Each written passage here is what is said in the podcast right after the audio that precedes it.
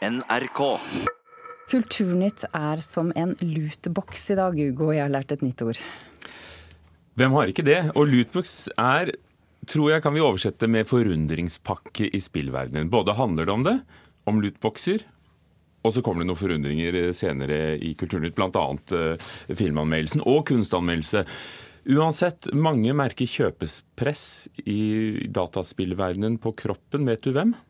Eh, foreldre, kanskje? Foreldre øh, og, og, barna selv, som innrømmer det i den reportasjen øh, som kommer hvert øyeblikk. Men det er foreldrene som må betale? Oftest, ja. Det handler om fordeler, belønninger, raskere fremgang som kan kjøpes for ekte kroner og øre og bli til milliardbutikk for spillbransjen. En ny rapport anbefaler at disse forundringspakkene, lootboxene, eh, blir omfattet av pengespillregelverket. Det er Kulturdepartementet som er i ferd med å vurdere hvor stor kontroll de skal ha med denne delen av spillbransjen. Å, da drepte jeg to stykker. Det er nice. YouTube-brødrene Daniel og Simen Andersen er ivrige spillere av det populære skytespillet Fortnite. Men å skyte konkurrenter er ikke det eneste du kan gjøre i Fortnite.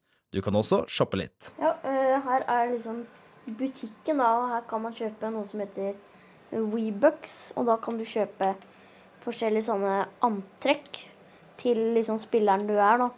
Og forskjellige danser og sånn der uh, hakker og sånt. Det er veldig populært. Ja. man starter jo uten sånne ting, men hvis man velger å betale for det, så kan man kjøpe sånne Webucks. Kjøp av fordeler, raskere fremgang eller ekstra belønninger i spill er blitt en vanlig del av spillingen. Dette skjer gjennom kjøp av såkalte lootboxer, der ekte penger gjøres om til digitale fordeler. Man blir liksom litt misunnelig, da. Man blir misunnelig av de andre kompisene da, hvis de har noe mye bedre liksom, og mye kulere. Men det kan jo være at man blir liksom litt avhengig av å kjøpe ganske mye.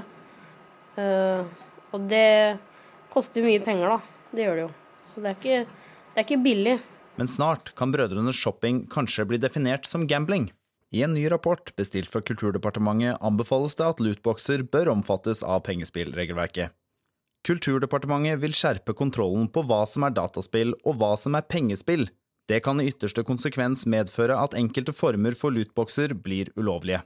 Eh, det er foreløpig ganske nytt. Eh, vi har bedt relativt lite om omfanget av lootboxer, hvilke problemer det er. Det sier seniorrådgiver Trygve Hermansen i Lotteri- og stiftelsestilsynet, som står bak rapporten.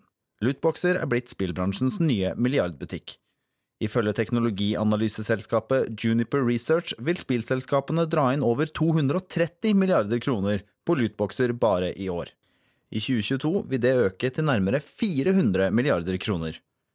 Redaktør i spillnettavisen Pressfire, Jarle Raffen Grindhaug, sier spillselskapene vil motsette seg reguleringer av sine nye gullgruver. Bransjen eh, har jo fått lov å gjøre som de vil eh, eller i de siste årene. Der de tidligere bare har tjent penger på å selge spillet, kan de nå tjene penger lenge etter at spillet har sluppet. Lootboxer er ikke bare lukrativt, det har også blitt en omstridt trend. Både forskere og politikere har ropt varsko om at bruk av ekte penger i spill kan føre til avhengighet hos spillerne. Det oppleves særlig problematisk fordi en stor gruppe spillere er under 18 år. Trygve Hermansen sier Kulturdepartementet kan bli nødt til å endre definisjonen for hva et pengespill er, for å kunne få lootboxer definert som dette. Dagens eh, definisjon er jo at et lotteri må ha et innskudd, det må være en tilfeldig trekning og det må være en gevinst. En del lootboxes vil ikke treffe på de kriteriene slik det er i dag. Om man ønsker å ramme lootboxes bredt i en pengespillregelverk, så må man se på den definisjonen. Kulturdepartementet diskuterer for tiden gråsonen mellom dataspill og pengespill i forbindelse med en ny pengespillov. Det skriver statssekretær Jan Christian Kolstø i en e-post til NRK. Han understreker at dette er kompliserte spørsmål som må diskuteres grundig før de sender lovforslag på høring i løpet av neste år.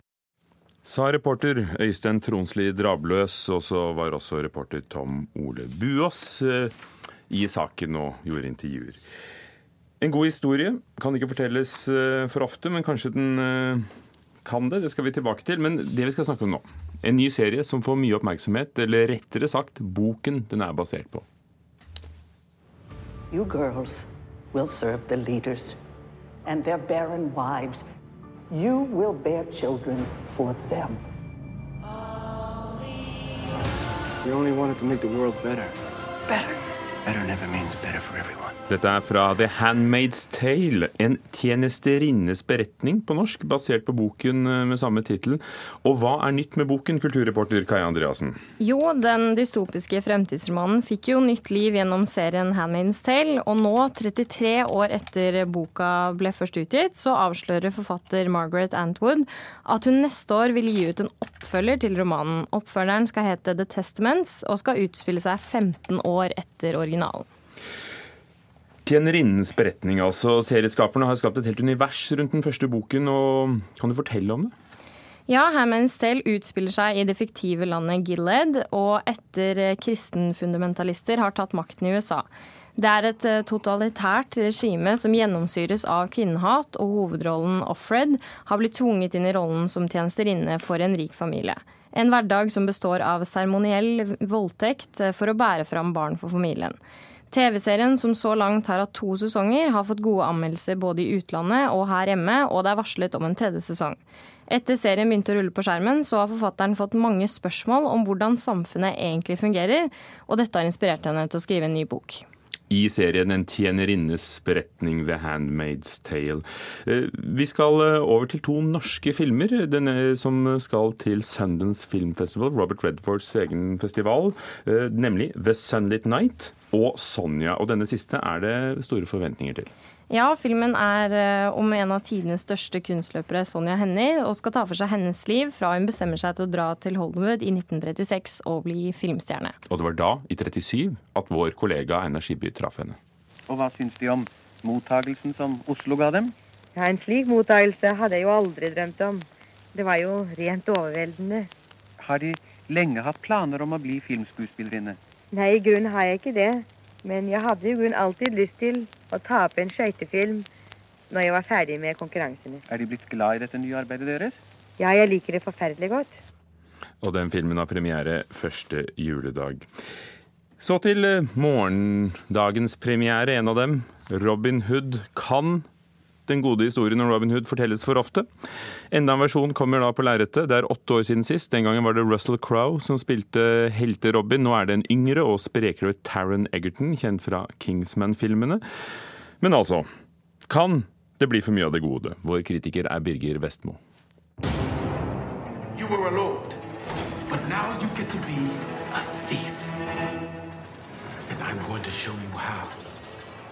Ingen har venta på en ny versjon av Robin Hood.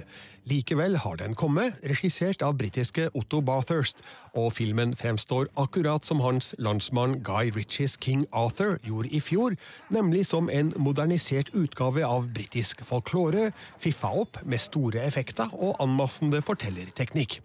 Historien kan nok fenge et publikum som kun er ute etter uforpliktende underholdning og lite mer.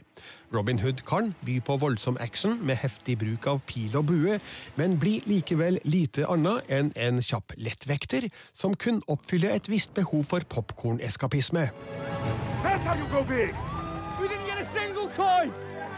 We wanted to get their attention, and we have it now!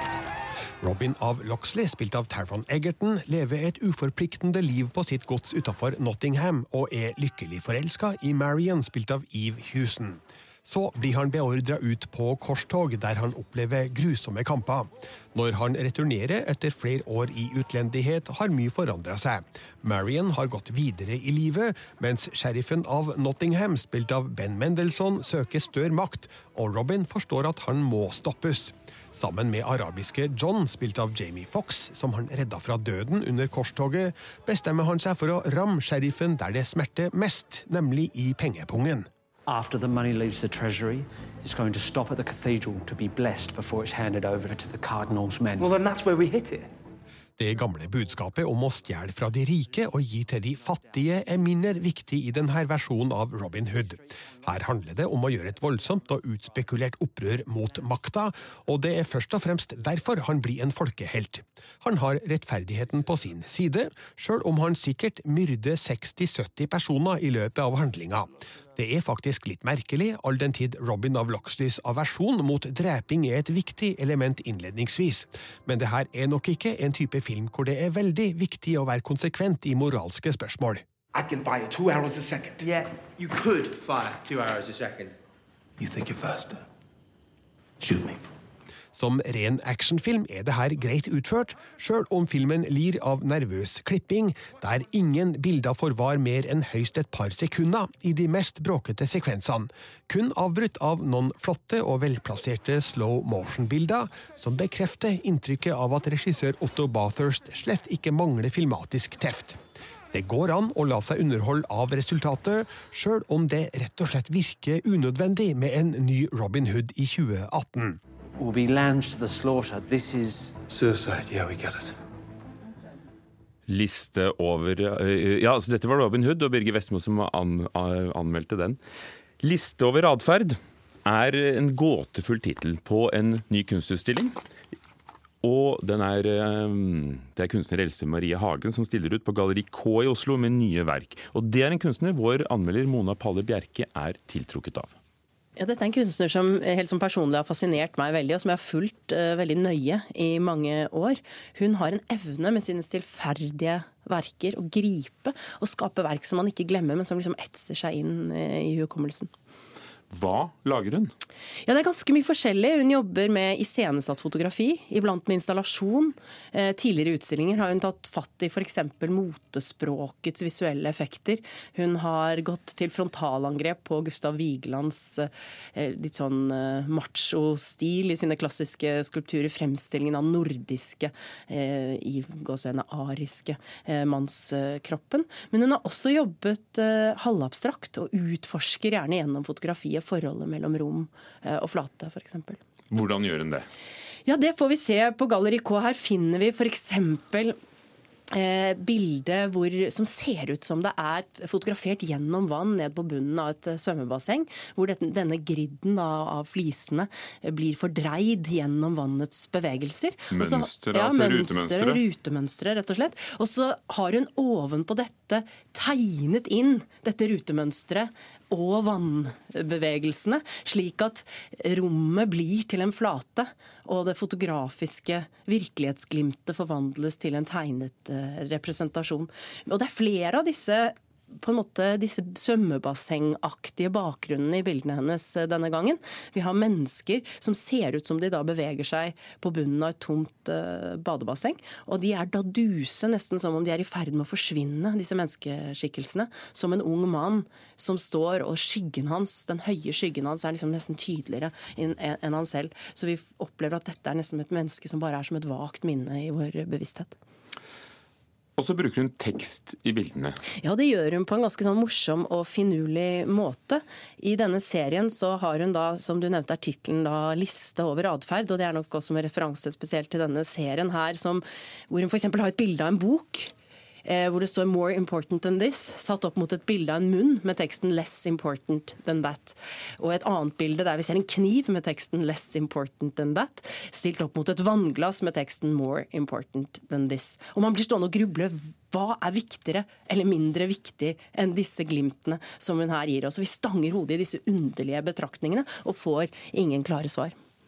Skal man forstå kunst? Hvordan skal vi forstå disse bildene, syns du, Mona Falle Bjerke? Ja, Det er ikke så greit å vite. Det er en forunderlig billedserie. Bildene har ingen fortellinger. De gir oss bare glimt inn i noen nesten sånn litt usigelig som vi ikke får grep om. Og som alltid hos Hagen, så er det ingenting bemerkelsesverdig som skjer i bildene.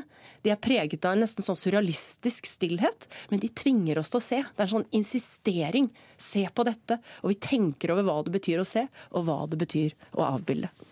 Du sa i begynnelsen at Else Marie Hagen er en kunstner du har fulgt lenge, som har gjort inntrykk på deg. Gjør også disse nye bildene inntrykk på deg? Både ja og nei. Eh, jeg savner nok noe av den veldig idémessige kraften og tydeligheten som preger de aller beste arbeidene til Else Marie Hagen, og den liksom kritiske brodden som enkelte av arbeidene hennes har hatt. F.eks. der hun skapte en catwalk og hadde en så veldig sterk og tydelig kritikk av, motelogikken og motespråket, men også den nevnte Vigeland-utstillingen.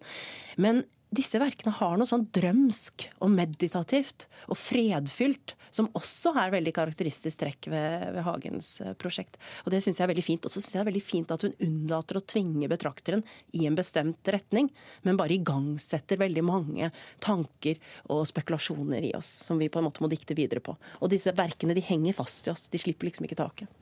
Mona Palle Bjerke om Else Marie Hagens utstilling på Galleri K som henger så å si ut desember, liste over atferd.